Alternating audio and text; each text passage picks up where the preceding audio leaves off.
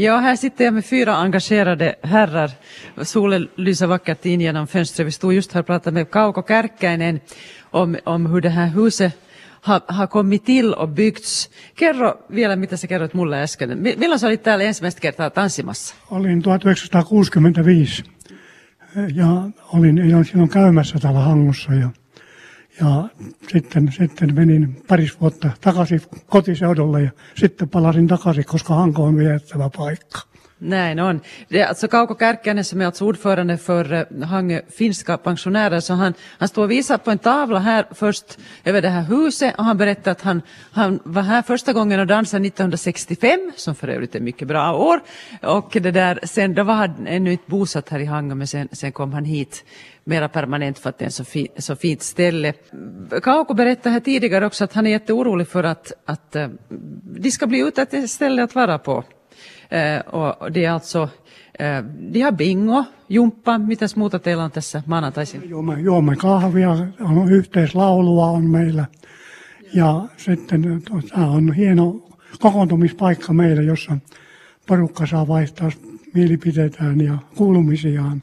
Tämä on niin kuin meidän eläkeläisille semmoinen, voi sanoa A ja O, koska joka kevät, ke- kevät kun lähdetään täältä pois, niin odotetaan jo syksyä, että taas saadaan tavata, tavata sitten ja viettää ihania päiviä täällä. Mm. Kauko äh, Kärkkäinen berättar alltså att det här är en hemskt kär plats för dem. 90 registrerade medlemmar förstår jag att ni har och, och ni har alltså, ni träffas och dricker kaffe och har allsång och, och längtar näst, efter nästa gång ni får träffas just på det här stället, alltså på Brankis i, i Hangö. Um, med mig här också så har vi, har vi Karl-Erik Stenbeck som är intendent. Du berättar just om alla inbokningar som finns och hur långt ni ännu har Ja, hur långt har ni vågat boka in någonting här då? No, vi har ett styrelsebeslut på att vi tar inbokningar till årets slut och, och nästa år så vet vi ingenting om att det är allt i det blå, att vad som händer med nästa år, men att, men att, men att till årets slut så har vi inbokat. Så har vi också med oss Gui Söderlund, du hade ett upprop i Facebookgruppen Hangbo Hankolainen. Varför hade du det? Jag var här på fredagen och på dans här och sen brukar vara när Brankis ordnar och, och, och det här och så fick jag då höra ryktas om det här att det var, det var hotat efter årsskiftet. Så satt vi vid vårt bord där och diskuterade och så kom vi på att nu skulle det borde sättas in där så att Hangöborna vet liksom om att, att vad, vad, vad, vad är på gång liksom så att, så att ifall någon kan hitta på några något bra idéer att hur vi ska få det att gå vidare för den här platsen behöver vi absolut här. Hur pass viktigt är det här huset för Hangenborna? Vad skulle du säga? Tydligen så är det ganska viktigt för att här har varit så många, många olika evenemang och, och det här, allt som man nu kan tänka nästan i teater eh, och bröllop, danser och så vidare bortåt så, så det här och de är alla välbesökta har varit så det är en viktig samlingsplats och det har ju också en sån här viss, vad ska vi säga, en so social plats för att träffa varandra och prata och så vidare bort. Fredrik Berglund, du är alltså du basar för de här, den här fotbollssektionen HIK. Ni är här ganska ofta, berätta vad ni sysslar med. Ja, no, vi brukar ha, lagen brukar ha bastukvällar och sånt, lite socialt umgänge och, och den är nog vi- viktig för, skulle jag nog säga, alla, alla lagsporter i den här staden. Att, så, sån här lite utanför planen umgänge. Nu sitter vi här alltså på, på markplanen, men den här bastun du nämnde, så den är alltså där nere i källaren, eller hur? Jo, den är nere i källaren. Ja, vad finns det annat där nere? Vi behöver inte vandra iväg dit i samlad tropp, men berätta vad här finns i det här huset. Där är, där är ett klubbrum som, som det här ryms 25-30 personer i och till det hör då den här bastun. Och den är mycket väl besökt utav både idrottsföreningar och sen privatpersoner.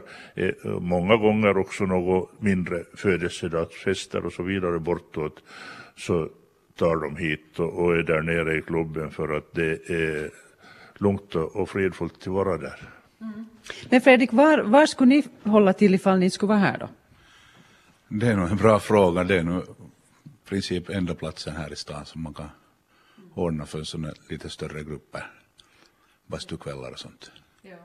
Och det här är ju alltså, kära lyssnare, alltså det här, det här är så liksom så här klassisk, eh, vad ska vi säga, just ja, brandkårshus, lite ungdomshus, ungdomsgårdsliknande, eh, allmänt, sånt här som man kan hitta på, på, kanske till och med på landsbygden också, var som helst runt om i landet. Jag, jag menar, sån här har jag också vuxit upp med, de är ju jätteviktiga. Och, och det här är dessutom ett vackert hus, och det är nog för mig ett mysterium att man då kanske eventuellt kommer att dra ner det om det är så att det inte det inte liksom kan fixas och skötas. Ja, det är ju det som är risken och det förstår inte heller varför det nu ska då i så fall ske. För att det här, om man tänker att det är bara åtta år sedan det var fullständig renovering här på alla områden, både el och vatten och, och eh, äh, nytt tak och allt lagades då i skick för åtta år sedan och ska man nu riva ner det så är det ju lite till, ungefär till kasta bort pengarna. Mm.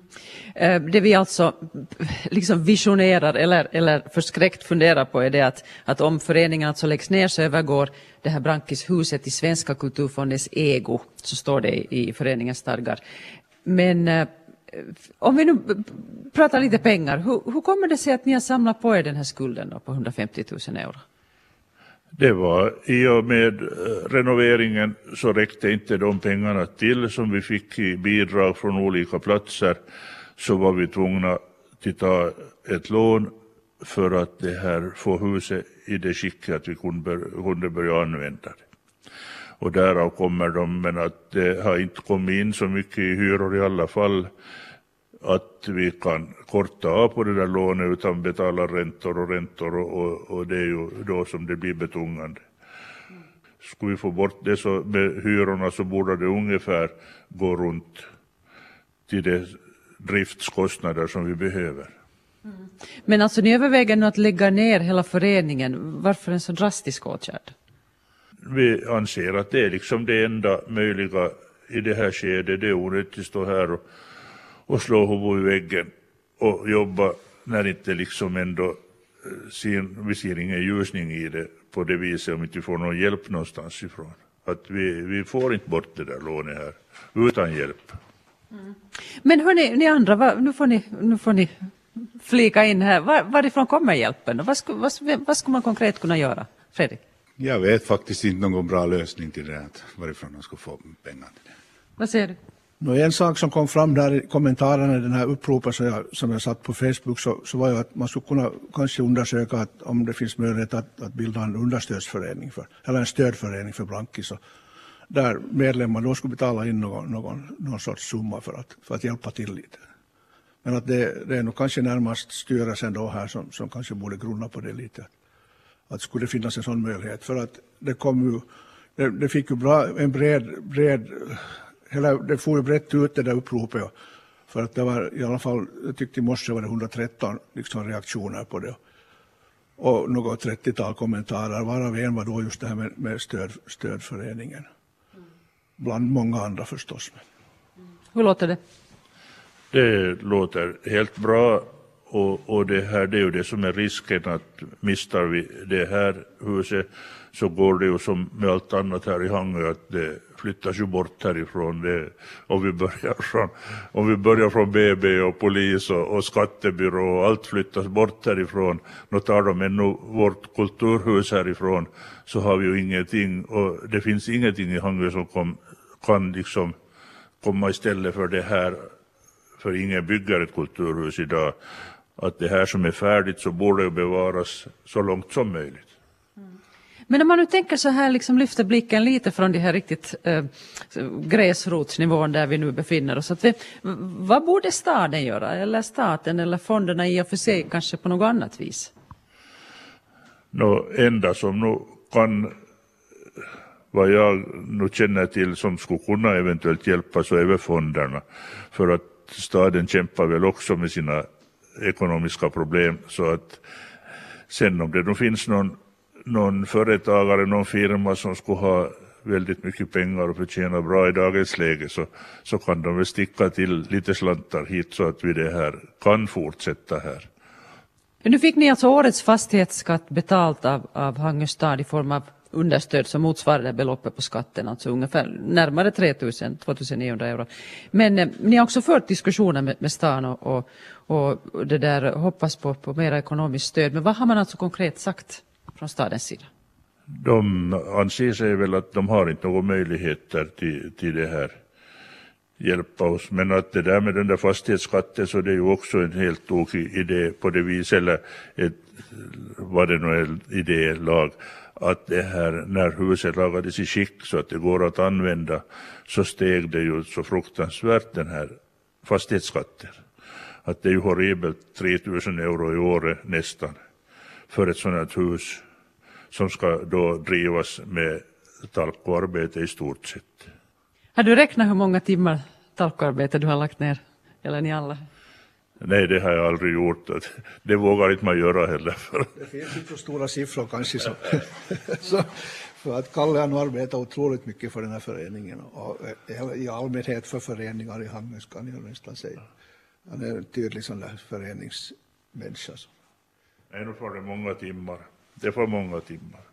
Att till exempel om man nu tänker en sån här dans som vi hade här på fredagen så, så nu får vi ju räkna med att eh, åtminstone en vecka mer eller mindre eh, under dagarna så, så blir det någonting att göra som har med det att göra för att det här, men sen så är det ju roligt när folk kommer hit och, och trivs och har det roligt så det, det är ju det som hämtar. Så fick vi faktiskt lite pengar också i fredags nog. Ja, det gick så i alla fall, ja. så fast orkestern var ganska dyr säkert. För det är ju enda, ja. enda platsen här som det ordnas sådana här med fina svenska dansbandsorkester och det är kiva att dansa, dansa till och sådär. Sen är det det med också med Kalle, fast han, han har ju också nog en, en jättebra stab runt omkring sig som, som hjälper till och, och de, är, de är nog alla verkligt guld värda. Jo, det är cirka, vi är cirka tio personer, att åtta personer förutom mig och min sambo som, som det här brukar hjälpa till och, och kommer i vått och torrt nästan och, och hjälper till för att ställa igång till fester och sen städa efter och så vidare bort.